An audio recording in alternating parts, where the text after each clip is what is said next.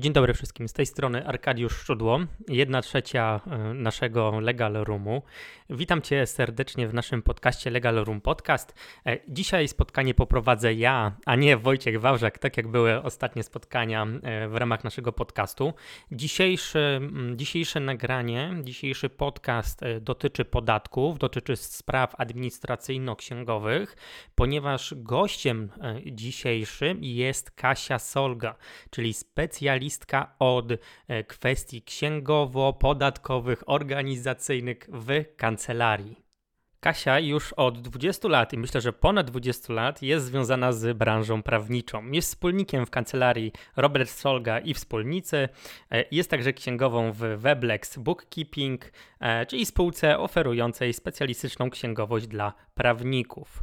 Kasia dodatkowo prowadzi fanpage oraz prowadzi bloga Jak prowadzić kancelarię. Myślę, że spokojnie znajdziecie w internecie bardzo wiele informacji na jej temat, także serdecznie zapraszam. Szczególnie zapraszam właśnie na jej fanpage, na jej grupy e, oraz na jej bloga. Znajdziecie tam bardzo wiele e, ciekawych informacji.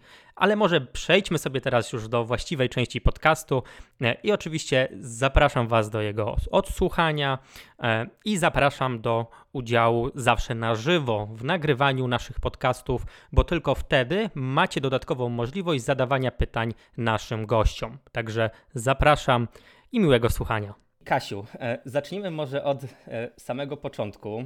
Wcześniejsze nasze podcasty były trochę lifestyle'owe, trochę o social mediach. Dzisiaj będzie mocno merytoryczny podcast.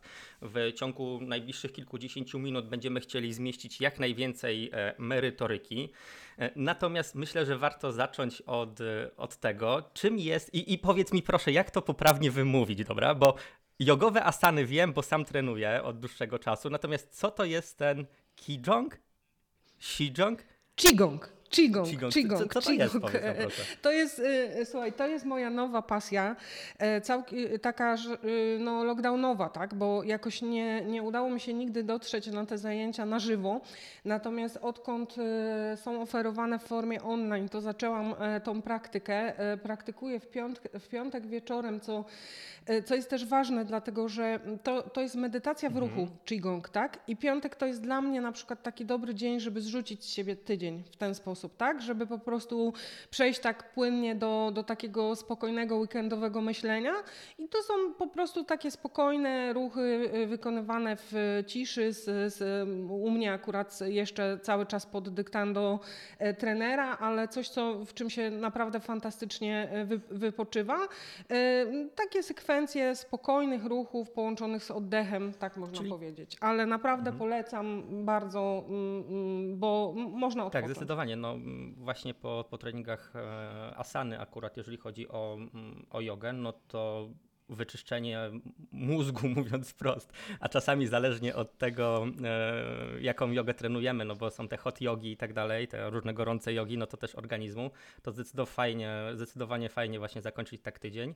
E, natomiast powiedz mi, jeżeli chodzi o ten Qigong, e, muszę cię po prostu jeszcze o to wypytać, bo to jest akurat moja, moja zajawka gdzieś tam, tego typu medytacje, to to się wykonuje w formie takich asan jak, jak w jodze, tylko że płynnie przechodząc pomiędzy pozycjami, tak? Wiesz co, nie, to jest dużo mhm. spokojniejsze. To, to jest tak naprawdę e, medytacja w takim bardzo spokojnym ruchu, tak? E, w te wszystkie pozycje, które ja znam, wykonuje się na mhm. stojąco. I e, ten zakres ruchów jest naprawdę nieduży, tak? E, i, I w porównaniu z jogą e, takie każde ćwiczenie trwa dłużej. Także tu jest zdecydowanie, wiesz, ja joguję od dawna, a te, na tych zajęciach na początku trudno mi było utrzymać uwagę, tak? Bo to jest po prostu wykonywanie na przykład ruchu takiego gładzenia wody przez powiedzmy 10 mhm. minut, tak? I skupiasz się na oddechu. No ale mnie to bardzo relaksuje. Słuchajcie, y, ja uważam, że y, można spróbować. Tak? W tej chwili taki y, dołącza się online, dołącza się na Zoomie i koszt jednych zajęć jest 10 mhm. zł, więc po prostu Ojej, to, to jest nie ma jedna, problemu, to, to jest żeby... jedna dziesiąta, jedna ósma e, zajęć z jogi nawet online, więc... Ta, ale w, w, jeśli chodzi o moją nauczycielkę uwielbianą jogi, to ona w tej chwili w tej samej cenie oferuje zajęcia online na żywo. Mhm. Tak? Także dla mnie po prostu to jest jedna z e, lepszych e, rzeczy, które się stały w, w pandemii, że to jest teraz takie dostępne, tak, mhm. dla, dla wszystkich. No ja to polecam, żeby spróbować zarówno tą jogę u Kasi Baron, bo ja tam, tam korzystam i też zajęcia właśnie Qigongu u Fabiana Barona.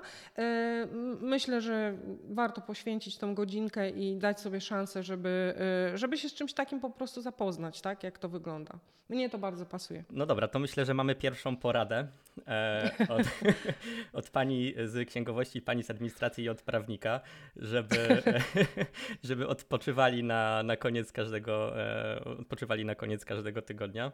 Natomiast może przejdźmy właśnie do tej obiecanej, e, obiecanej pigułki wiedzy e, i zacznijmy już o rozmowę o formalnościach, zacznijmy rozmowę o e, merytoryce.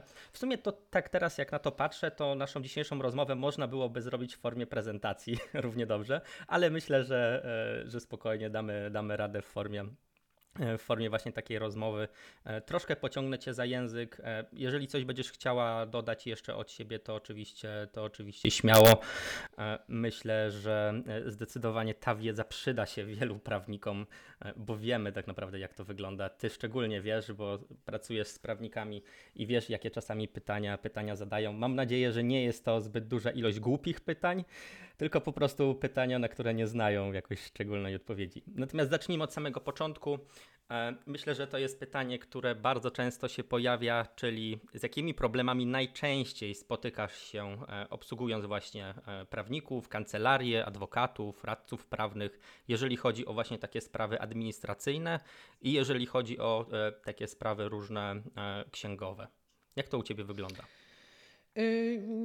To jest e, tak naprawdę tematyka e, arku bardzo różna, dlatego że prawnicze biznesy też są bardzo różne. Tak? To jest e, tak, że ja sama po tym roku takiej już intensywnej praktyki pracy z kancelariami jestem zaskoczona, jak bardzo te biznesy się od siebie różnią. Natomiast problemy są tak naprawdę począwszy od faktur, tak? I, i o tym ja pisałam u siebie na blogu, że prawnicy po prostu nie do końca na początku początku swojej działalności zgłębili temat wystawiania faktur i popełniają dużo błędów e, wystawiając faktury. Najczęściej to są błędy związane z datami sprzedaży. A możesz powiedzieć nam coś więcej właśnie na ten temat? Bo e, wiem, że to jest temat bardzo interesujący prawników, ponieważ właśnie każdy wystawia po prostu na koniec miesiąca fakturę za wszystkie usługi z całego miesiąca e, i, i, i, te, i te usługi no, nie do końca się zgadzają z datami właśnie wykonania danej, te faktury z datą wykonania faktury... danej usługi.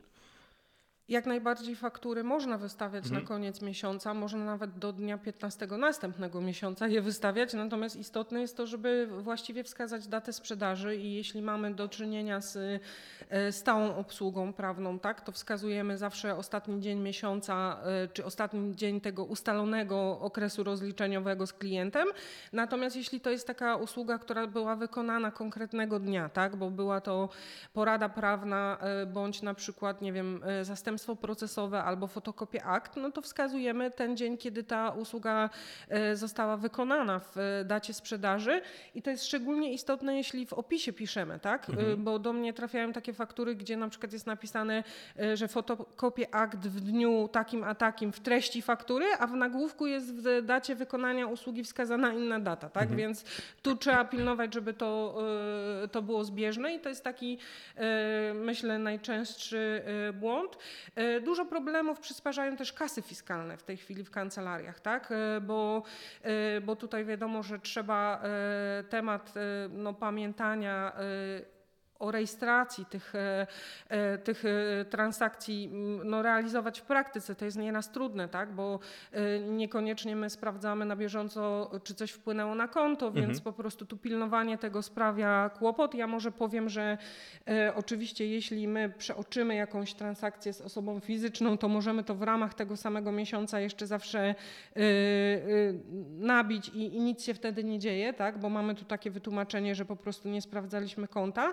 Natomiast gorzej jest, jeśli to jest na przełomie miesięcy, czyli jeśli my dostaniemy y, w piątek, y, w ostatnim dniu miesiąca jakiś przelew, którego nie zauważymy y, i nabijemy go na kasę fiskalną w następnym miesiącu, no to musimy o tym powiedzieć księgowej, żeby ręcznie jakby dobiła tą Mhm. transakcję do tego miesiąca, gdzie ten przychód faktycznie powinien być. Także to, to jeden z takich częściej występujących problemów. Mhm. Jeżeli E, chodzi no o kasy fiskalne, to może tutaj, e, tutaj Mhm. się wtrącę, e, bo myślę, że takie pytanie może się gdzieś pojawić e, nawet później albo w ogóle w głowach, w głowach naszych słuchaczy. Jeżeli mówimy o kasie fiskalnej, to mówimy o sytuacji, w której musimy wystawić rachunek oczywiście. Natomiast w sytuacji, gdy my obsługujemy tylko i wyłącznie przedsiębiorców, to czy po pierwsze musimy mieć taką kasę fiskalną? Drugie pytanie e, to czy jeżeli ad hoc wpadnie nam e, klient, który no, nie jest działalnością gospodarczą, tak, czy nie jest spółką, e, tylko jest po prostu osobą fizyczną, tak po prostu, to czy my specjalnie dla niego musimy, dla tego jednego w miesiącu klienta musimy specjalnie kupować e, kasę fiskalną e, i po prostu bawić się w całą tą papierologię, czy wystarczy, że wystawimy mu fakturę albo inny rachunek w formie elektronicznej? No bo są systemy informatyczne, e, które pozwalają na wystawianie faktur i wystawianie rachunków po prostu w PDF-ie. To powiedz, jak to tutaj Jasne, powinno Arku. wyglądać? Y, Wiesz co, to jest niestety tak, że e, mm, jeśli wykonujemy usługi prawne dla, e, e, dla konsumentów, dla osób fizycznych i są, nie są to usługi e, na odległość tak, i płatne e, przelewem, czyli po prostu w bezpośrednim kontakcie z, tą, e, z tym klientem, albo na przykład są to sprawy procesowe, gdzie my chodzimy do sądu, czyli nawet jeśli e, my tego klienta nie widzimy i mamy płatność przelewem, ale to nie jest usługa wykonywana za pomocą środków porozumiewania, porozumiewania się na odległość, to tą kasę musimy mieć. Mhm, I musimy ją niestety mieć od pierwszej transakcji, albo inaczej przed pierwszą transakcją. mhm, Bo y, tutaj dla naszej branży po prostu nie ma zwolnień, więc y, mamy albo taką sytuację, że nie mamy kasy wtedy, kiedy nie wykonujemy usług bezpośrednio dla tych e, osób fizycznych i tu mówię bezpośrednio, tak? bo, bo można na przykład y, y, wykonywać takie usługi w, chociażby w punkcie nieodpłatnej pomocy prawnej, ale rozliczać się z instytucją, tak? to Mhm. wtedy y, kasę, kasa nas nie obowiązuje. Natomiast jeśli rozliczamy się bezpośrednio z klientem, no to jedyne zwolnienie, które tutaj jest, to jest to, o którym już wspomniałam, Mhm. czyli y, zwolnienie, w którym musimy spełnić następujące warunki, tak? Czyli wykonujemy usługę y, na odległość za pomocą środków porozumiewania, Mhm. się, porozumiewania się na odległość i y, dostajemy pieniądze y, przelewem bądź też za pomocą jakiegoś automatycznego systemu płatności. I trzeci jest warunek taki, żeby te transakcje dało się powiązać.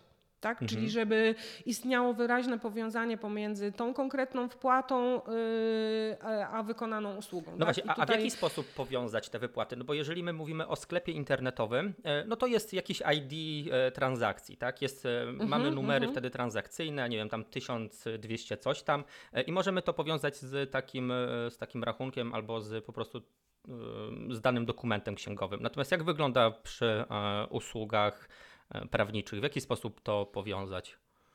Wiesz co, takim e, dogodnym sposobem w momencie, kiedy my nie sprzedajemy przez sklep internetowy, gdzie są wiadomo raporty, tylko Mhm. umawiamy się po prostu z klientem, on się z nami kontaktuje, nie wiem, telefonicznie czy mailowo, uzgadniamy jakąś e, e, poradę i, i w tym momencie przyjmujemy za to pieniądze, no to mm, takim no, idealnym sposobem byłoby wystawienie faktury pro forma, e, poproszenie klienta o wpłatę z tytułem tej faktury pro forma i potem zafakturowanie tej, trans, tej faktury y, pro forma do wpłaty, która ma konkretny numer, tak? I to, to się nam ładnie zamyka. E, W, w momencie, Przy kiedy... rachunkach mm, i przy kasach? Jeśli chodzi Mhm. o kasę fiskalną, y, no to jest to tutaj trudniej, ale no, jeśli mówimy o poradzie online, no to ja bym raczej korzystała tutaj ze zwolnienia, tak? Nie No nabijałabym tego na kasę. Y, Ja powiem, że takie wyrobienie sobie takiego schematu, że proforma, płatność, dopiero potem y, porada i faktura, to jest też korzystne ze względu na to, że po prostu mamy pieniądze przed usługą, Mhm. tak? To jest, to jest fajne. Nie narażamy się też na to, że wystawiamy fakturę i czekamy na płatność, nie dostajemy pieniędzy, a podatki musimy odprowadzić, Mhm. tak? Y, W tych systemach fakturowania, które teraz mamy, nie jest to nawet jakoś specjalnie mm, pracochłonne, dlatego że zwykle jeśli wystawimy już tą fakturę pro forma, to potem y, zrobienie z niej tej faktury ostatecznej to jest jedno kliknięcie, tak? I wysłanie do klienta. Tak, no jak najbardziej. To ale teraz jest pełno Jasne. Wiadomo też, że wiesz, ja tu mówię o sytuacji idealnej, Mhm. tak? Y, y, Ja y, y, czasami tak też nie robię, czyli po prostu uzgadniam z klientem, że on wpłaca pieniądze, y, potem dopiero y, wystawiam do tego fakturę. No i dla mnie tym powiązaniem jest to, że po prostu w tym momencie no, mam jedną transakcję z takim klientem najczęściej w jakimś okresie czasu, więc mm, wydaje mi się, że to też będzie y, wystarczająco. Ale jak ktoś chce być bardzo bezpieczny, to polecam te, te proformy. Fajnie bardzo e, to, co powiedziałaś odnośnie właśnie kas i e, jakby sposobu wystawiania, bo po pierwsze, uf, nie muszę mieć kasy fiskalnej, więc bardzo się z tego cieszę. A druga rzecz, jeżeli chodzi o właśnie proformy e, i zapłatę przed tym, zanim zostanie wykonana usługa, no to my tutaj w ramach właśnie Legal Roomu, czy, czy Kasia, Wojtek, czy ja, e, to bardzo często mówimy właśnie o tym, żeby pobierać wynagrodzenie zanim wykona się, e, wykona się usługę. No chyba, że wiadomo, są tam pewnego rodzaju wyjątki, nie wiem, duży klient, wtedy są wiadomo przedłużone, przedłużone terminy płatności często, albo znamy tego klienta i z nim współpracujemy, no to wtedy możemy się powiedzmy rozliczać e, w skali, e, w skali miesiąca. Natomiast jak już rozmawiamy sobie o właśnie o tych fakturach, e, to myślę, że można byłoby pięknie, płynnie przejść do kwestii e, podatkowych, bo na pewno słuchacze nasi drodzy są na różnym etapie. Niektórzy chcą wystartować z działalnością gospodarczą, niektórzy jeszcze tej działalności nie mają, e, niektórzy są aplikantami, mamy prawników, mamy adwokatów, radców. E, Wiemy też, że mamy tutaj słuchaczy notariuszy, rzeczników patentowych, e, bo podczas naszej ankiety, którą zrobiliśmy do kursu, zabrakło, z tego co pamiętam, chyba opcji notariusze i dostaliśmy informację, że dlaczego zabrakło tej opcji. A w związku z tym mamy naprawdę bardzo, bardzo różnorodne tutaj środowisko prawnicze.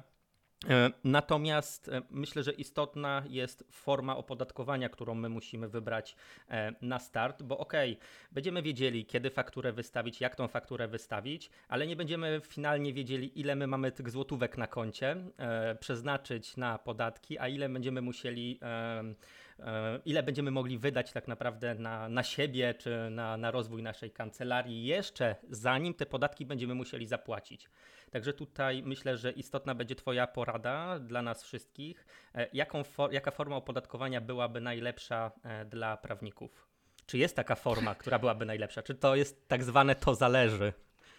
To oczywiście, że to jest to zależy, ale wiesz co, Arku, mm, ja chciałabym e, trochę zacząć jeszcze jakby chwilę wcześniej, tak? Czyli e, powiedzieć o jednej ważnej rzeczy, która dotyczy wszystkich mm, prawników, którzy e, pracują w tej chwili, robią, zdobywają doświadczenie zawodowe, niezależnie mm, czy w, są na aplikacji, czy po prostu drogą praktyki starają się dojść do tytułu zawodowego, ale w każdym razie e, ta informacja jest skiero- skierowana do takich osób, które e, planują e, przystąpić do egzaminu zawodowego i e, myślą potem o otwarciu własnej kancelarii. Tak?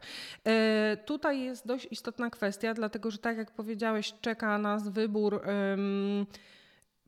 sposobu opodatkowania, także sposobu rozliczeń z ZUS-em. Mhm. I jeśli my popełnimy jeden tutaj dość istotny błąd, Mhm. to mamy mocno ograniczone możliwości. To słuchamy, Chodzi słuchamy wszyscy z niecierpliwością. Co to za błąd? E, Chodzi tutaj o coś takiego, żeby mm, jeśli pracujemy u kogoś na umowę o pracę, zakończyć tą umowę e, dokładnie e, przed dniem, kiedy, zdobędziemy uprawnienia zawodowe, tak? Czyli Okej. żeby nie było takiej sytuacji, że my sobie e, te uprawnienia zawodowe zrobiliśmy, ale jeszcze na przykład ciągniemy pół roku e, tą współpracę na umowę o pracę e, z byłym pracodawcą, a potem otwieramy kancelarię i będziemy dalej dla niego pracować, tak? Mhm. Bo nie ma problemu, jeśli to jest tak, że ja kończę współpracę z y, tą firmą i idę sobie na tak zwany wolny rynek, tak? Natomiast jeśli chcę dalej w jakiejś części chociażby kontynuować tą współpracę y, z byłym pracodawcą na zasadzie umowy B2B, to jestem w tym momencie pozbawiony ym, no, wielu możliwości, bo nie mogę wybrać opodatkowania podatkiem liniowym, ale przede wszystkim, co dla początkujących kancelarii ma chyba większe znaczenie, tracę wszystkie y, ulgi w ZUS-ie. Tak? Czyli mhm. muszę od razu wejść na pełny, pełny ZUS. I tutaj są interpretacje dość bezlitosne, dlatego że tu chodzi o to, że mm, te ulgi są wykluczone dla osób, które mm, pracują e, w, w, działalności gospodarczej na rzecz swojego byłego pracodawcy i robią to samo. Mhm. Tak?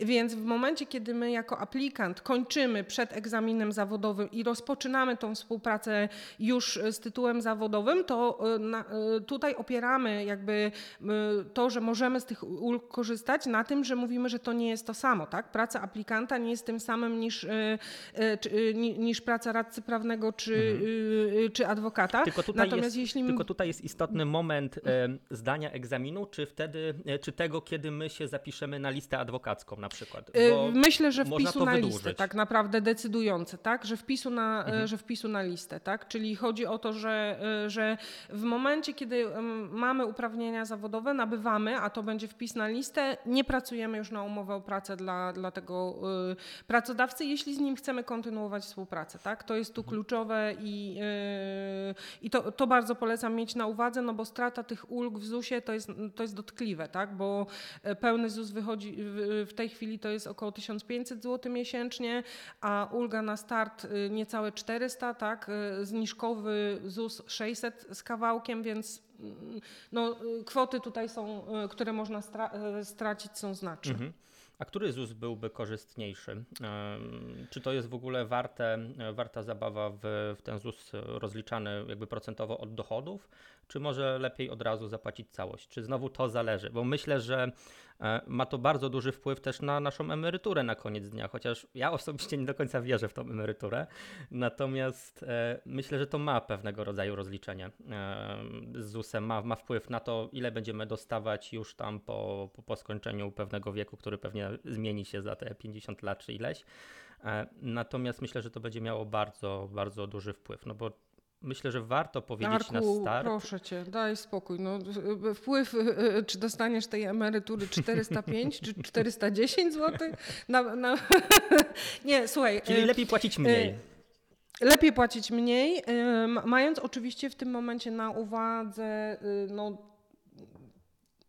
tą decyzję, którą mhm. podjęliśmy, tak? Czyli to, że na emeryturę raczej powinniśmy sobie odłożyć w inny sposób. Mhm.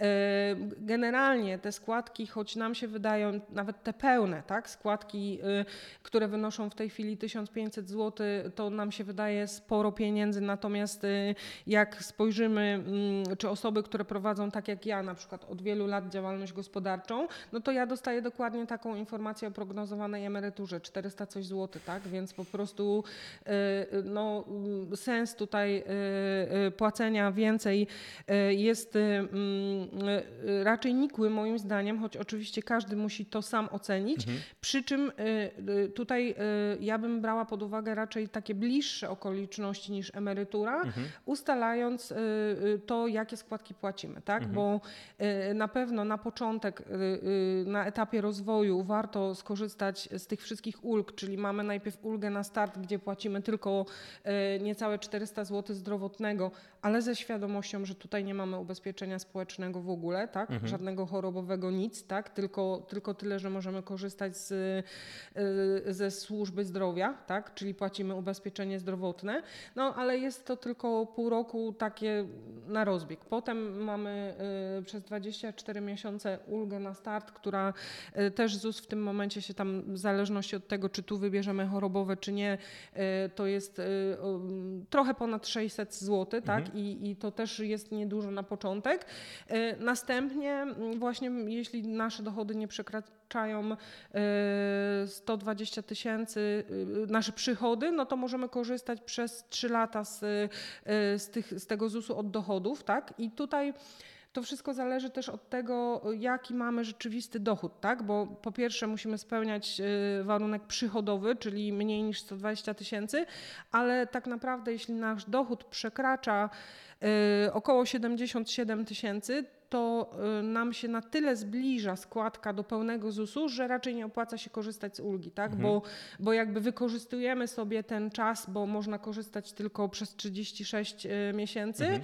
mm, a płacimy, w sumie niewiele zyskujemy, tak? Warto to sobie zostawić w tym momencie na ewentualnie y, inny czas w przyszłości. No widzisz, to co ja mówię jakby pokazuje, że tu nie ma magii, to jest praca na liczbach, Mhm. tak? Więc w każdym przypadku trzeba po prostu wziąć swój prognozowany dochód i po prostu y, przeliczyć, zarówno jeśli chodzi o ten ZUS, jak i o, o to, bo tak uciekliśmy trochę z, z tego tematu wyboru opodatkowania, tak? Ym, Nie, myślę, że to, co Mamy- powiedziałaś, było bardzo, bardzo interesujące i zdecydowanie powiązane. Jasne. Mhm. Je- yy, Jeśli chodzi o to, tę formę opodatkowania, no to jako prawnicy mamy w tej chwili do wyboru trochę więcej niż mieliśmy jeszcze rok temu, czyli możemy wybierać pomiędzy zasadami ogólnymi, Mhm. yy, podatkiem liniowym a ryczałtem. Przy czym, no powiedzmy sobie szczerze, ryczałt też jest bez sensu, tak? Mhm, mhm. E, Przynajmniej dla osób, które e, mają e, prowadzą, e, e, mają już tytuł zawodowy, tak? bo tutaj e, ustawodawca ukarał osoby z tytułem zawodowym, bo one ma, ten ryczałt mają w wysokości 17%, a ktoś, kto nie ma tytułu zawodowego, a świadczy usługi prawne ma 15%. No wiesz, skubią nas na Więc- każdym kroku, także tutaj...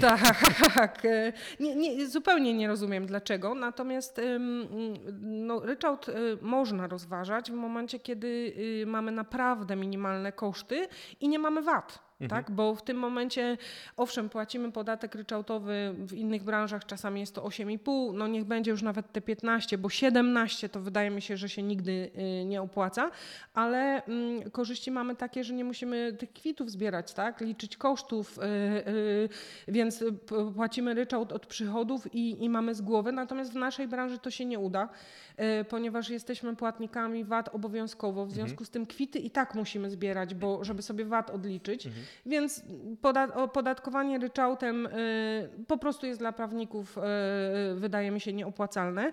No zostaje nam y, liniowy i, I ogólny. zasady ogólne. I tutaj y, też y, y, wiadomo, że jeśli nasz y, osiągany bądź planowany przychód jest poniżej y, 90 tysięcy rocznie, no to ogólne po prostu bez dwóch zdań, tak? Jeśli zaczynamy przekraczać y, tego typu przychody, no to wchodzimy w kwestię to zależy, tak? Mhm. To zależy do jakich ulg mamy y, prawo, tak? Czy możemy się rozliczyć z małżonkiem, z dziećmi, tu już to wymaga y, przeliczenia. Natomiast jeśli mamy bardzo duże y, przychody, tak? Grubo powyżej 100 tysięcy rocznie, nie bardzo jakieś ulgi albo tych, y, albo ten przychód jest na przykład 400 i więcej tysięcy, więc te ulgi nam tu nie bardzo pomogą, no to wiadomo, że liniowy jest wyborem korzystniejszym. E, Dodam jeszcze może, że mamy e, cały czas taki moment w roku, kiedy warto usiąść i dokonać tych obliczeń, dlatego że mm, w tym roku termin zgłoszenia ewentua- ewentualnej zmiany, czyli zmiany z podatku e, na zasadach ogólnych na liniowe bądź na odwrót, e, jest e, e, do 20 lutego. Tak? Czyli mamy jeszcze chwilę na tym, żeby to, chwilę, żeby się e, nad tym zastanowić. No to idealnie teraz nagrywamy. No, nie dość, że skorzystają z, z innych porad, to jeszcze, jeszcze teraz przerwą słuchanie naszego podcastu, bo będą w, w liczbach siedzieć. No nie, nie, nie. Ale za to, za to e, do ZUS Plus już e, jak Już ktoś e, e, miał, miał zgłosić się od początku roku, no to już minął termin. Bo to się ZUS Plus nazywa, tak? Tak jak 500 Plus to Tak, jest ZUS ZUS, Plus. mały, tak, ZUS Plus. To się już zgłosić nie można, no chyba, że ko- ktoś na przykład jest w tej chwili na, na jakiejś uldze, tak? Na przykład nie minęło mu te 30 miesięcy od początku działalności gospodarczej i z tej ulgi będzie wychodził w trakcie roku, no to wtedy jakby może się jeszcze do tego małego ZUS Plus e, e, w trakcie roku zgłosić. Natomiast dla tych, którzy y, no, nie są na żadnej uldze, to termin niestety już, y, już minął na zgłoszenie. Powiem Ci, że tyle, tyle ciekawych informacji przekazujesz, że aż nie chcę, nie chcę Ci przerywać, bo wiem, że ja też miałem właśnie takie problemy, e, o których teraz mówisz, e, gdy startowałem. Mi chyba teraz mija czwarty rok albo piąty, nie, nie, nie, nie pamiętam, nie liczę e, działalności gospodarczej. E, I pamiętam jak dzisiaj, że to nie ja uzupełniałem te, te, te wszystkie druczki, VAT-ery, tam CIDG, druczki i tak dalej, tylko właśnie e, oddałem to księgowości, e, żeby zrobili to, e, to wszystko za mnie. Natomiast e, żeby trzymać się tej formuły, dobra, nie będę tutaj dywagował, e, oddaję oczywiście Tobie głos, natomiast przejdźmy może sobie dalej, e, opuśćmy już te formalności, myślę, że tutaj było już sporo informacji e, i tak będą musieli dużo, dużo przetrawić i pewnie po kilka razy odsłuchiwać to wszystko, natomiast ja bym pewnie tak robił, natomiast przejdźmy sobie dalej już do takiej czystej, czysto praktycznych rzeczy. Bardzo modne i popularne są aktualnie produkty elektroniczne, sprzedawane przez prawników. Są to różnego rodzaju dokumenty, umowy, mogą to być e-booki, kursy online.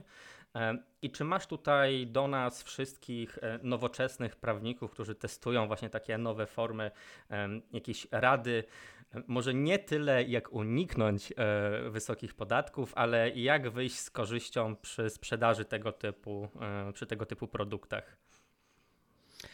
E, wiesz co, Arku, rzeczywiście masz rację, że to jest popularny w tej chwili temat i temat e, taki no, dość trudny tak, w klasyfikacji, bo mhm. Mm, e, musimy tu sobie sami zdecydować, co my tak naprawdę sprzedajemy. Tak? Czy to, co sprzedajemy, to, to jest na przykład e-book, mhm. tak? który, y, który mm, y, można opodatkować VAT nie 23, ale 5%, mhm. Y, więc mamy tutaj od razu korzyść i no powiedzmy sobie też szczerze, że granica pomiędzy tym, czym jest e-book, a na przykład wzór umowy mhm. tak, jest dość płynna, więc tutaj można pewnie, y, no stylizując te produkty, y, zmienić ich klasyfikację podatkową, więc nad tym polecam się zastanowić. A pamiętasz, bardziej, a pamiętasz że... jakie wymogi są właśnie dla odróżnienia takiego e-booka od e, dokumentu? Czy to jest... E, Wiesz co, no, tak naprawdę y, to nie jest w tej chwili określony, mhm. bo, bo, bo nie ma już wymogu na przykład rejestracji tak, tak. jako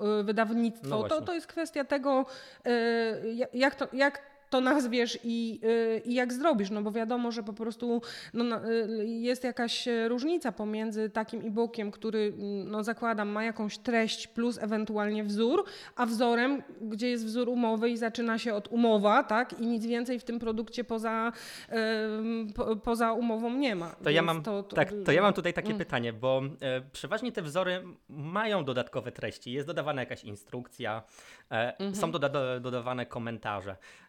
I na przykład, jeżeli, mm, jeżeli nazwiemy to e-book, e-book dwukropek, e, umowa o dzieło, to powiedzmy, można z tego zrobić e-book, tak? E, a jeżeli. Ja sądzę, że tak, szczególnie jeśli dodamy jakiś taki właśnie szerszy wstęp, mhm. więcej takich porad, jak tą umowę stosować, mhm. tak? I po prostu z, zrobimy z tego bardziej poradnik, tak? Niż, niż wzór, więc tu uważam, że, że to jest do zastosowania, tak? No to jak po, najbardziej. To powiem, że aż sam sobie to zapisałem i chyba. i chyba no tak, tylko wiesz, e, Arku, tu pamiętajmy jeszcze o jednej rzeczy, tak, że mm, jak mówimy, że to jest e-book, no to mówimy, że to jest usługa elektroniczna, tak? Więc e, mhm. ściągamy tutaj trochę na siebie, redukujemy sobie ten VAT, ale ściągamy na siebie inne obowiązki, tak? Bo usługi elektroniczne wymagają w tej chwili e, zaznaczenia w pliku JPK, że to jest usługa elektroniczna, tak? mhm. tak? I co więcej, musimy się zastanowić nad tym, komu my tę, tę usługę elektroniczną sprzedajemy, bo jeśli sprzedajemy e, osobie fizycznej, tak, e, to tutaj właśnie to mamy do czynienia z tym oznaczeniem mhm. EE, tak, bo nie oznaczamy, jeśli kupują to firmy, ale jeśli kupują konsumenci, to oznaczamy i jeśli to jest osoba fizyczna z zagranicy, to tym bardziej musimy uważać, bo musimy pilnować limitu, że mamy zwolnienie z jakby z procedury y, y, VAT MOST y, czy, czy rozliczania tego podatku za, za granicą do 10 tysięcy euro, tak? mhm. tak? Więc tu, tu musimy zac zacząć jakby pilnować pewnego limitu, jeśli te transakcje z zagranicy nam się zdarzają i co więcej, nawet jeśli się nie zdarzają, to celem jakby weryfikacji tego, my musimy zacząć rejestrować w tym sklepie internetowym kto od nas kupuje mhm. i skąd ten ktoś jest, tak? A e, wydaje się to, że, mm, że takie rzeczy mm, w biznesie prawniczym nie są częste, no bo dlaczego na przykład y, informacje no w końcu związane z y, prowadzeniem, mm, z prawem w Polsce, tak, mhm. mają kupować osoby z zagranicy, a mnie w praktyce zdarza się to bardzo często, tak? tak? Często w tej chwili jesteśmy jakby po całej y, Europie i świecie rozsypani, ale planujemy na przykład powrót, tak? Więc się przygotowujemy do założenia działalności gospodarczej w Polsce, więc takie transakcje są, więc decydując się na, na jakby zmianę kwalifikacji naszych usług, z usług prawnych na y, e-book, tak, na, na, na coś, co jest produktem elektronicznym, trochę się tu trzeba do, y, do tego przyłożyć i przede mhm. wszystkim skonfigurować sobie prawidłowo sklep, czyli po pierwsze zbierać dane, mhm. kto od nas kupuje z adresem włącznie, po drugie pilnować tego limitu albo na przykład zablokować sprzedaż za granicę, tak, więc y, y, to jakby trochę pracy myślowej też trzeba wykonać. Tak, tutaj akurat, akurat ostatnio szukałem systemu właśnie informatycznego do, do postawienia takiego sklepu na nowo. E, który gdzieś tam kiedyś, e, kiedyś, kiedyś prowadziłem i powiem Ci szczerze, że od strony technicznej, czy, czy nawet RODO, myślę, że aktualnie nie byłoby problemu, żeby zbierać e, akurat tego typu dane. Tutaj myślę, że słuchacze mogą się ucieszyć, bo mogą skorzystać z bezpłatnych sklepów, typu właśnie WooCommerce i tak dalej i, i, i mogą tego typu sklep u siebie postawić jak najbardziej. Natomiast tutaj fajnie, że zwracasz uwagę na, na szereg... Znaczy, bo to jest kwestia wyklikania, prost... tak? Bo można to wyklikać tak, że tak. nie będziemy zbierać tych danych, bo jest tam ustawienie konkretnie, że e, wystaw paragon tak. i wtedy konsument, y, który nie chce faktury, nie jest o te dane pytany, no a ja chcę zwrócić uwagę, że jednak trzeba pytać, mhm. tak? Po prostu y, o to dla, dla celów y, podatkowych. Jasne, czyli ogólnie od VAT-u nie ma ucieczki, mówiąc wprost, tak? I tak, i tak musimy go płacić, jeżeli sprzedajemy tego typu, tego typu e-booki i tak samo musimy płacić nasz dochodowy, tak? Nie ma tutaj jakiegoś rodzaju, nie wiem, zwolnień czy, czy tego typu rzeczy. No ja w branży prawniczej tego, tak? tego nie widzę, tak? Jakby, z czego możemy korzystać jakby w, w branży, tak? Mhm. No, usługi prawne co do zasady są opodatkowane 23% VAT. Mhm. Możemy na pewno korzystać z tego, co powiedziałam, czyli część tych naszych usług przerobić na te e-booki i wtedy mamy opodatkowanie 5%, tak? Możemy zastanowić się nad, nad tym, kiedy nasza usługa, którą wykonujemy, może podlegać e, pod, e, nie, pod definicję usługi prawnej, a honorarium autorskiego. Tak? I to jest w praktyce w sumie częste, e, że na przykład osoby mm, mm, w branży pracują w taki sposób, że odpowiadają na jakieś anonimowe pytania prawne na zlecenie różnych portali, mhm, Lexa, tak. innych wydawnictw. Tak? I kwalifikacja tego jako usługa prawna moim zdaniem jest nieprawidłowa, tak? dlatego że de facto w momencie, kiedy my odpowiadamy na anonimową mm, y, poradę, to my nie udzielamy porady prawnej, mhm. tylko piszemy artykuł, tak? Y, gdzie mamy zadaną jakąś konkretną kwestię, to też jest dla nas bezpieczniejsza kwalifikacja pod względem mm, takim zawodowym, tak? Bo, bo wiadomo, że co do zasady nie wolno nam anonimowo porad udzielać, mhm. tak? Więc jeśli nazwiemy to po prostu napisaniem artykułu i weźmiemy honorarium e, z tytułu praw autorskich tutaj, to jest to też bezpieczniejsze tak zawodowo, więc e, dobrze jest się przyjrzeć jakby temu, co robimy i zastanowić się, e, czy to na pewno jest usługa prawna. Jasne. Tak? Tutaj, tutaj poruszyłaś właśnie kwestię i myślę, że to warto o tym wspomnieć troszkę więcej. Może już... Poruszyłaś kwestię dotyczącą tych portali właśnie, bo okej, okay, jeżeli Lex czy tam Wolters i tak dalej nam wyślą, albo ktoś inny wyśle nam listę pytań anonimowych, no to okej, okay, to to rozumiem, że to po prostu rozliczamy, e, z, z, z, biorąc pod uwagę również e, prawno-autorskie kwestie. Natomiast e, jest wiele portali. Ja może Arku dodam, że jest 8% wtedy, tak? Mhm. Za, y, y, nie jest 23 tak. jak w usługi, y, jak usłudze, tylko 8%, więc no, automatycznie korzystamy. Tak. tak. Natomiast jest wiele portali, gdzie no my też nie wiemy tak naprawdę, kto jest po drugiej stronie, a ktoś po prostu zadaje publicznie, e, publicznie pytanie i jest po prostu przetarg, mówiąc wprost, albo pisze do nas wiadomość e, poprzez ten portal, że potrzebuje takiej i takiej porady i widzi, że my się specjalizujemy w tym i w tym i nie znamy danych tej, tej osoby de facto, to czy to też kwalifikujemy jako, e, możemy gdzieś tam troszeczkę, może nie tyle obejść, ale czy możemy spróbować to zakwalifikować jako właśnie taką, taki, taką anonimową e, poradę, tak? W, Czy, czy, czy to już jako usługę Wiesz prawną co, musimy myślę, że nie, dlatego że po prostu e, to jest zupełnie inny sposób wykorzystania tego, tak? Mhm. E, To, o czym ja mówiłam, to są mm, artykuły, które są kierowane Mhm. do anonimowego i szerokiego odbiorcy, Okej. tak? Czyli jeśli my odpowiemy na takie pytanie, które ja wiem, że zadała je jedna osoba, ale ten artykuł na tym portalu przeczyta wiele Mhm. osób i wiele osób może zastosować. Natomiast jak udzielamy porady tej jednej osobie, tak, dostosowujemy ją do jej konkretnego stanu faktycznego, no to tutaj nie mam wątpliwości, że to jest usługa prawna, tak, i trzeba to opodatkować. Ja zwracam uwagę jeszcze y, na taki aspekt, że de facto y, y, osobom z tytułem zawodowym nie wolno takich rzeczy robić, tak, czyli udzielanie anonimowych porad Mhm. prawnych no nie jest dozwolone, bo nigdy nie wiesz, czy za chwilę strona przeciwna się nie zwróci o poradę, Mhm. tak, więc ja bym jednak była za tym, żeby no, dane klientów zbierać, tak? Jasne. A ja jeszcze podrążę troszeczkę no. ten temat. Proszę, E, proszę. Bo e, myślę, że wielu prawników pisze artykuły, e, czy to bezpłatnie, czy odpłatnie, czy samemu czasami płaci różnego portalom, różnego rodzaju portalom za możliwość publikowania takich artykułów, bo wiemy jak to wygląda po prostu w branży.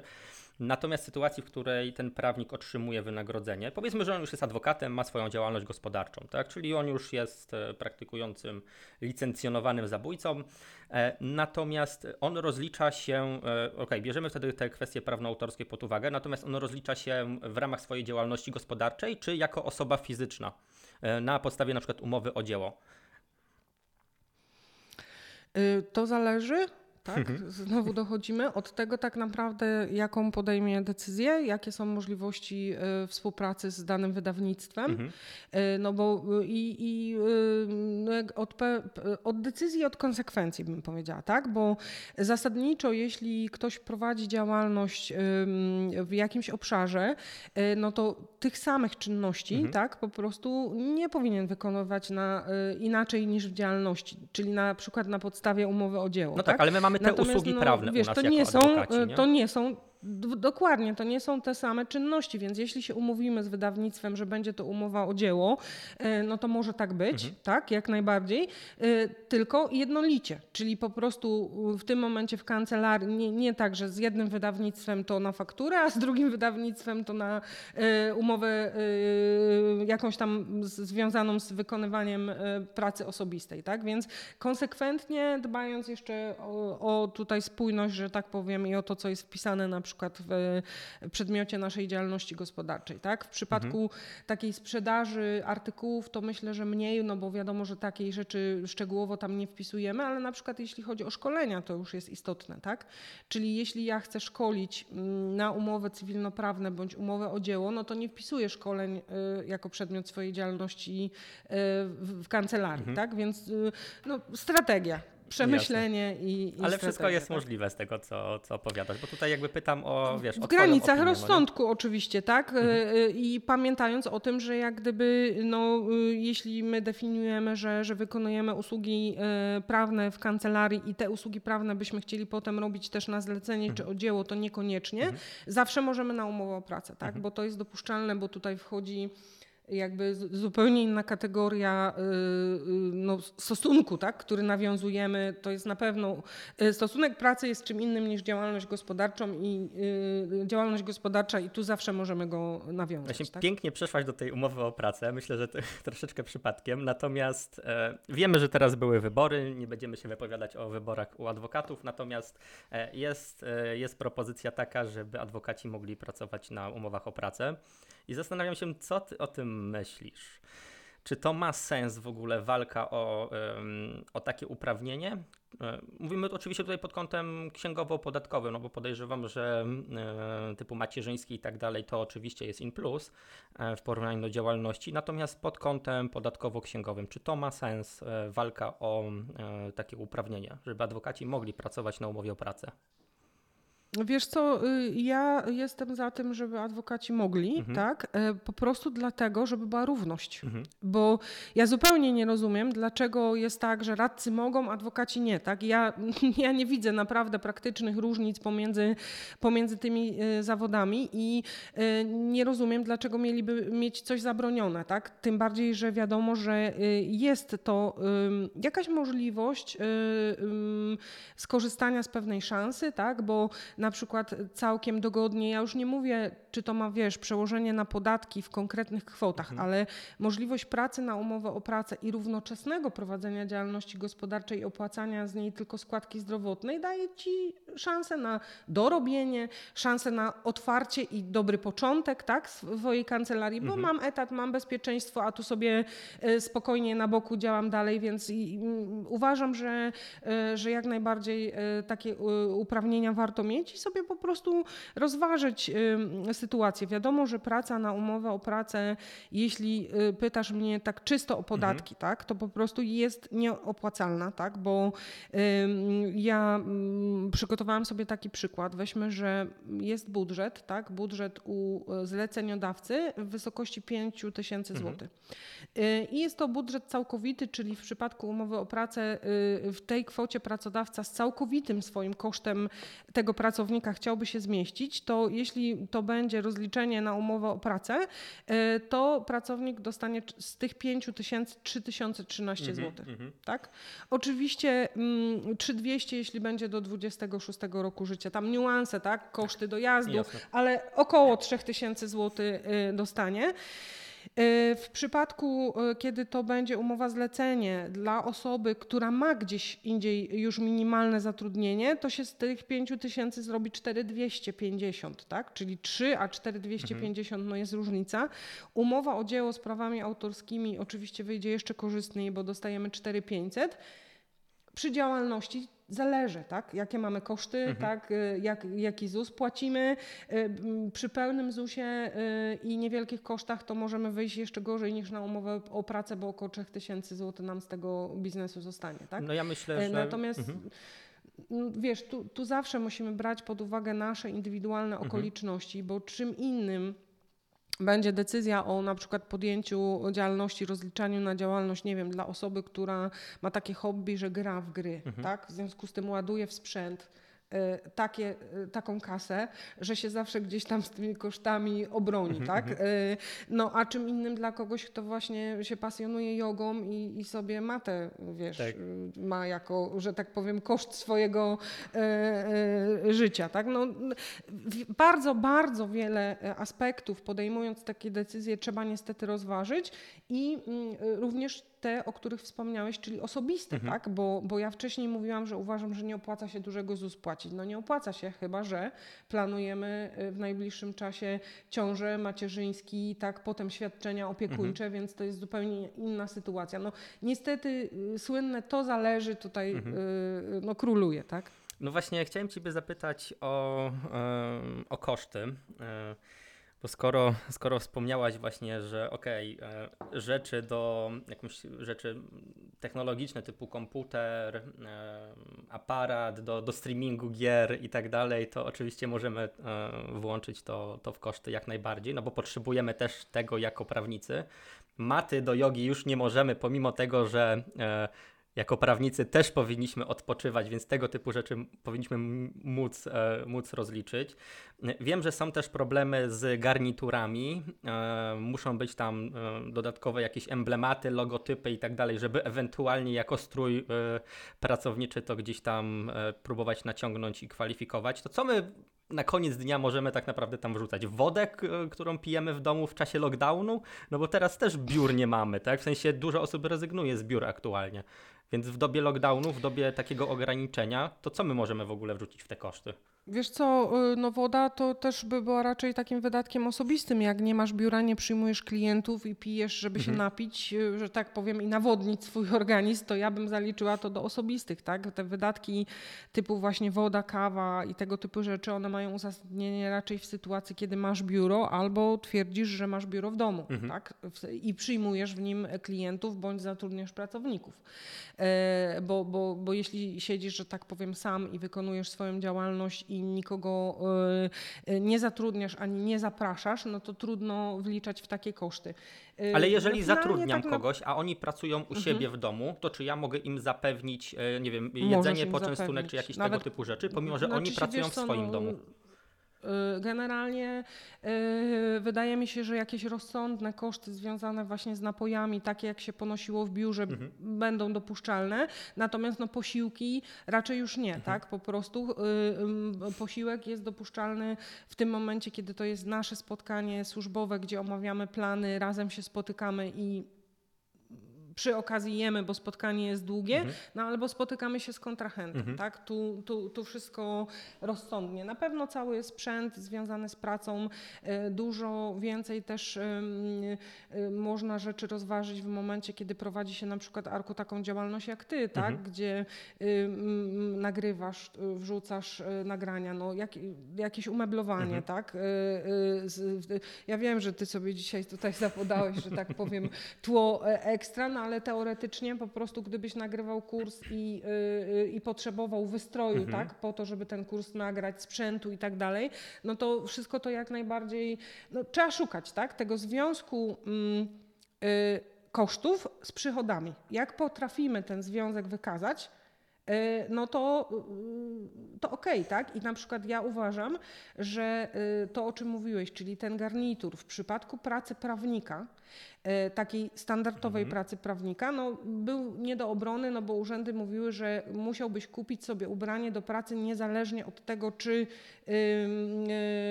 jak pracujesz, tak? tak? E, że, że to jest twój wydatek osobisty. No, ale jak ty w tym występujesz, to jest twój strój, w którym ty nagrywasz, tak? Mhm. No to były takie wy, wy, wyroki czy, czy interpretacje, gdzie to się już broniło, mhm. więc uważam, że czym bardziej my prowadzimy działalność taką, e, no, no tak jak mówię, słowo klucz to jest szukam mhm. związku danego kosztu z osiąganym przychodem. To, to jak chyba, go widzę, tak. tak? I e, jeszcze dodatkowo e, nie kwalifikuje się to jako wydatek taki stricte osobisty, bo tu urzędy pilnują jakby mm, tego, że jeśli ty byś musiał sobie na przykład kupić okulary, Mhm. Prywatnie, mhm. niezależnie, czy ty w nich występujesz na nagraniu, czy ty po prostu pracujesz w nich, ale używasz ich też, bo prywatnie wieczorem czytasz książkę, tak, no to to się nie bardzo zdaniem urzędów kwalifikuje e, na, jako koszt, tak? Natomiast y, no, też wiadomo, że podejście tu może być różne, dlatego że część y, y, ludzi uważa i ja chyba też finalnie gdzieś tam się z tym podejściem zgadzam, że czasami lepiej jest taką dyskusję przerzucić sobie na czas kontroli, jak ona będzie. Mhm. Tak? Czyli ja będę się o te okulary kłócić, jak ktoś przyjdzie, skontroluje, będzie chciał wyrzucić. A co nam grozi? Bo jeżeli my wliczymy właśnie takie okulary w 100%, mhm. to okej, okay, będziemy musieli pewnie zwrócić podatek, tak? A po prostu go zapłacić za to, a czy coś więcej? Z odsetkami, z odsetkami, z odsetkami, tak? Y, I y, jeśli tu nie będzie jakiejś, wiesz, czy się, to, wiesz, to wszystko zależy, tak? Bo ktoś może, po, gdyby tego było bardzo dużo, to można, można iść w stronę uznania naszej ewidencji za nierzetelną, mhm. ale ja bym nie przesadzała, tak? I u, u, uważam, że, że konsekwencja będzie właśnie taka, że zostanie to z kosztów wyrzucone, będziemy musieli zapłacić ten podatek z odsetkami ja co powiem jeszcze, że jakby jako doświadczona księgowa, ja uważam, że w każdym okresie księgowym mam na myśli taki dłuższy księgowy okres, jak na przykład rok. Y, dobrze jest jakiś tam jeden do wyrzucenia koszt mieć, tak, bo kontrola jest podatkowa prowadzona do skutku, czyli do znalezienia czegoś. Mhm. Dajmy im coś znaleźć. Mhm po prostu, tak? Bądźmy ludźmi. No to ciekawe, no. bardzo, to, to bardzo, bardzo e, ciekawe to, co no, powiedziałaś. Natomiast ja chciałbym nawiązać do, e, do tego nagrywania wideo, bo dużo osób, e, myślę, że teraz też to wchodzi, tym bardziej, że właśnie tutaj my jesteśmy tak nakierowani na tych nowoczesnych prawników. Nawet Wojtek ostatnio zaczął nagrywać, pomimo tego, że mocno, mocno, mocno nie chciał, ale bardzo fajnie mu to wychodzi. I teraz ja zaczynam właśnie remontować salon i tak się zastanawiam, skoro ja nagrywam to wszystko w salonie, to czy ja te meble, które tak naprawdę mam za sobą, nie akurat te tutaj, ale e, meblościankę, no może nie meblościanka, ale komoda jest, telewizor i tak dalej, e, czy ja to mogę wrzucić w takim razie w koszty, skoro to jest moim tłem, które wykorzystuję w ramach nagrywania wideo? Arku, ja tak no tu rozumieć, wchodzimy w, wiesz, tu wchodzimy po prostu w taką, e, w taką kwestię, czy ty to będziesz wykorzystywał mhm. również jako, e, jako wyposażenie swojego mieszkania do mhm. użytku osobistego i w jakiej części, tak? Jak będziesz w stanie e, w razie kontroli wykazać i powiedzieć, słuchajcie, tu jest te 30 parę procent mieszkania plus to wyposażenie, które ja wykorzystuję tylko po to, żeby nagrywać, mhm możesz wrzucić, tak? Mhm. Jak y, głównym użytkiem tego jest użytek osobisty i to widać, wynika, tak? Mhm. Jakby z, z, tego wszystkiego, no to, no to należy być y, w tym momencie ostrożnym. A nie można tak, tak jak jest przy samochodach na przykład, że pół na pół sobie wrzucę koszty albo coś takiego? Wiesz co, y, raczej interpretacje tu wskazują mhm. Y, na to, że po prostu no, y, musi to być użytek dla celów firmowych, dopuszczalny jest incydentalny mhm. użytek prywatny, procentowo to wliczamy e ewentualnie koszty związane z mieszkaniem, mhm. tak? Natomiast z konkretnym wyposażeniem to musi być już decyzja do działalności mhm. albo prywatnie. No to dzięki, dzięki. To przy okazji sam skorzystałem, ale myślę, myślę, że tutaj wiele osób byłaby tym zainteresowana, bo staram się troszeczkę tak, e, jakby troszeczkę taką, może nie szpilkę, ale tak wiesz, wiercić tą, tą, e, ten, ten, e, tą śrubkę, żeby właśnie dopytać o takie, takie wiesz, takie niuanse ciebie, bo podejrzewam, że to wszystko się pojawia w, w głowach naszych słuchaczy. Ale my nie skończymy, Arek. Ja wiem, dlatego już idziemy ku końcowi, już idziemy ku końcowi. Z naszego pół godziny zrobiła się godzinka, natomiast myślę, że jest naprawdę bardzo, bardzo dużo fajnej wiedzy, zarówno dla prawników, którzy będą startować, jak i którzy już wystartowali, e, no bo te pytania zdecydowanie są, e, no są bardzo, bardzo interesujące. Natomiast przejdźmy sobie może do e, właśnie ostatniego naszego etapu naszej rozmowy, czyli do kwestii rozliczania pracowników i rozliczania klientów. Tutaj dla uczestników, e, na, może inaczej, dla słuchaczy naszego podcastu to taka informacja, że każdy uczestnik, który zapisał się na, nasz, e, na nasze nagrywanie naszego podcastu live, e, otrzymał bezpłatnie taki specjalny kalkulator do wyliczania właśnie opłacalności współpracy z danym pracownikiem. Tutaj myślę, że Kasia zaraz opowie więcej na ten temat. Natomiast jeżeli, e, drogi słuchaczu naszego podcastu, chcesz otrzymać e, taki kalkulator, to możesz się zapisać do naszego newslettera jeszcze e, i jeszcze otrzymasz ten, ten dodatkowy kalkulator. Tam oczywiście w kalkulatorze masz dodatkowo dane kontaktowe do, do Kasi, więc jak najbardziej możesz się z nią skontaktować i możesz, i możesz jak najbardziej porozmawiać również co więcej wdrożyć i co więcej poprawić. Natomiast Kasiu, opowiedz nam tutaj więcej teraz może o tym kalkulatorze. E, wiesz co, Arku, ja sprostuję. To nie jest kalkulator, który pozwala liczyć e, opłacalność pracowników, tak? E, nie.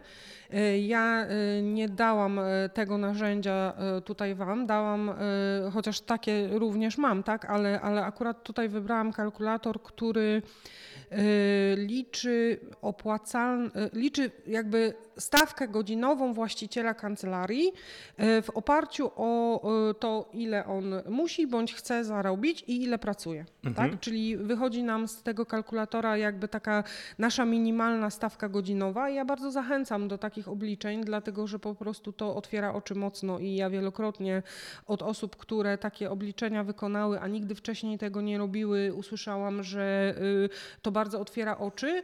Y, efekt jest najczęściej taki, że ludzie podnoszą swoje stawki, czyli po prostu uświadamiają sobie, jak to wszystko przeliczą zgodnie z tym kalkulatorem, że naprawdę im się nie opłaca przyjmować zastępstwa procesowego za 100 zł brutto, mhm. tak? bo to jest yy, yy, no, no, no, niecelowe i jakby nie zarabiają w tym momencie na, na swoje koszty. Natomiast wiesz e, co, Także... Kasiu, ja tutaj wspomniałem właśnie o pracownikach z tego względu, że ja troszeczkę wyszedłem dalej z tym kalkulatorem, jak sobie go testowałem e, i ja tam po prostu e, minimalne rzeczy pozmieniałem i wyliczałem sobie właśnie jakby opłacalność pojedynczego pracownika pracownika. Tak. Znaczy się ja taki kalkulator w wersji do, dla zespołów również mam przygotowany, yy, więc yy, pewnie jak komuś zależy, to, to, yy, to gdzieś go znajdzie, tak?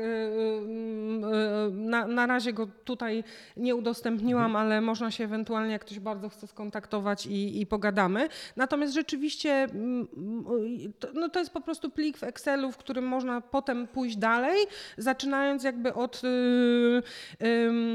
od tego, że że policzymy swoją stawkę, możemy liczyć e, stawkę e, pracowników. Mhm. Ja też tam e, dałam taki kalkulator opłacalności poszczególnego zlecenia, gdzie możemy sobie wy- wyliczyć, ile planujemy pracować nad danym zleceniem, obliczyć sobie i jaki to jest procent naszego czasu pracy, żeby do tego zlecenia przyporządkować określony procent jakichś stałych kosztów, plus doliczyć właśnie czas pracy pracowników i wychodzi nam, ile powinniśmy kliento, klientowi minimalnie za dany e, projekt e, m, powiedzieć, więc zachęcam do pracy z tym narzędziem, bo ono jest naprawdę bardzo fajne. Myślę, że w imieniu wszystkich bardzo Ci dziękujemy za to, że e, udostępniłaś to nam. E, Dla przypomnienia, pamiętajcie, jak zapiszecie się do newslettera, to po prostu możecie to jeszcze pobrać.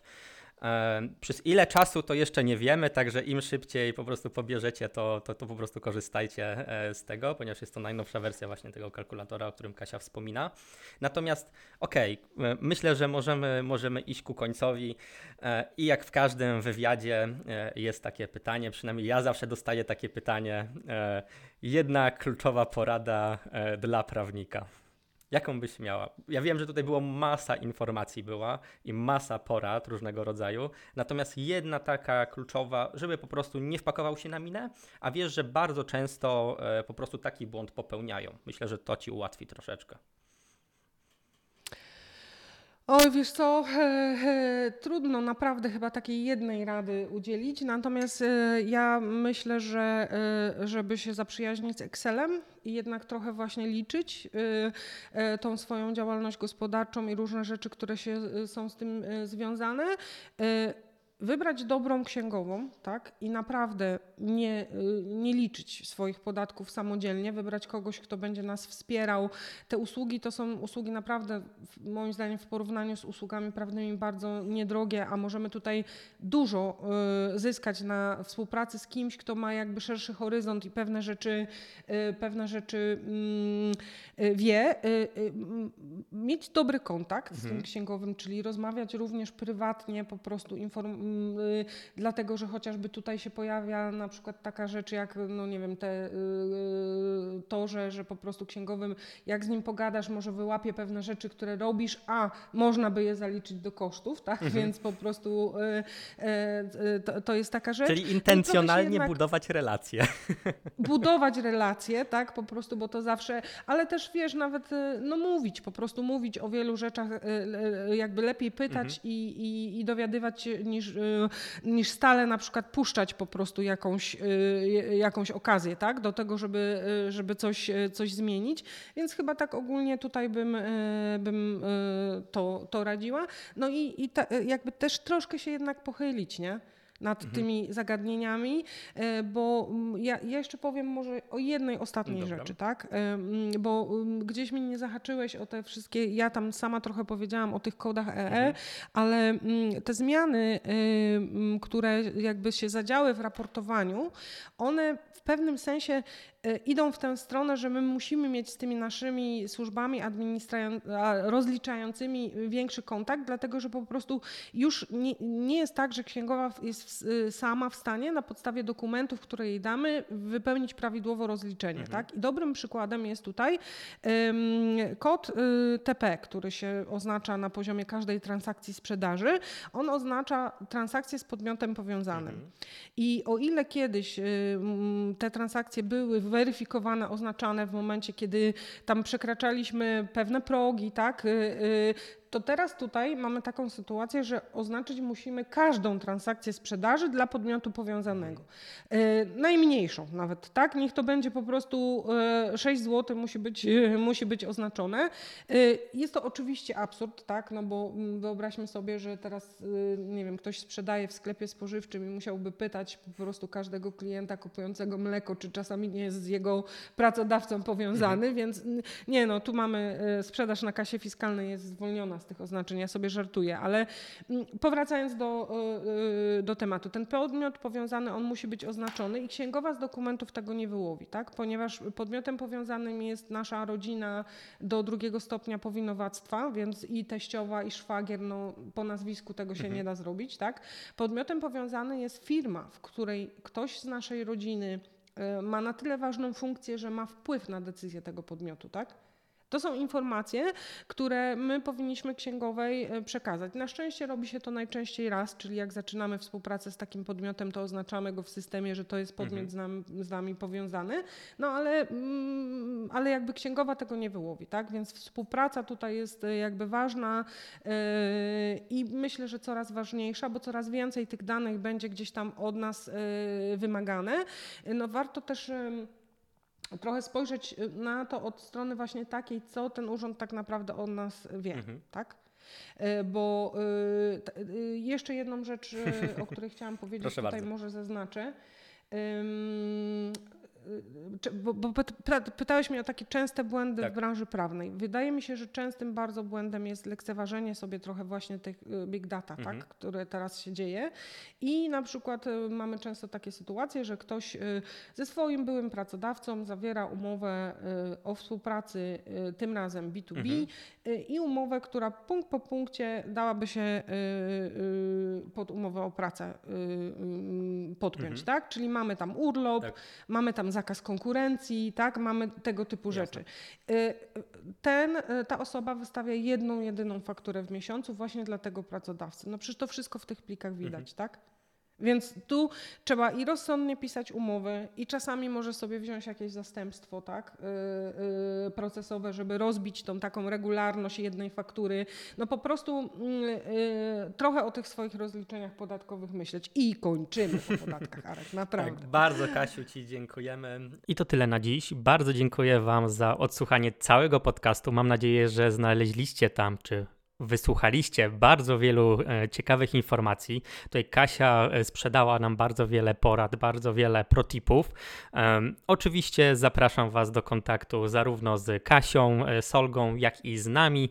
zapraszam Was również do udziału zawsze na żywo w nagrywaniu naszych podcastów, bo wtedy macie możliwość zadawania pytań naszym specjalistom, którzy goszczą w ramach naszego podcastu. I oczywiście zapraszam do subskrybowania nas wszędzie, do lajkowania i do pozostawienia oceny pod tym podcastem. I pamiętajcie, podcast nowy pojawia się zawsze w ramach Legal Room Podcast co dwa tygodnie. Także dzięki i do zobaczenia, do przeczytania czy do usłyszenia następnym razem. Cześć!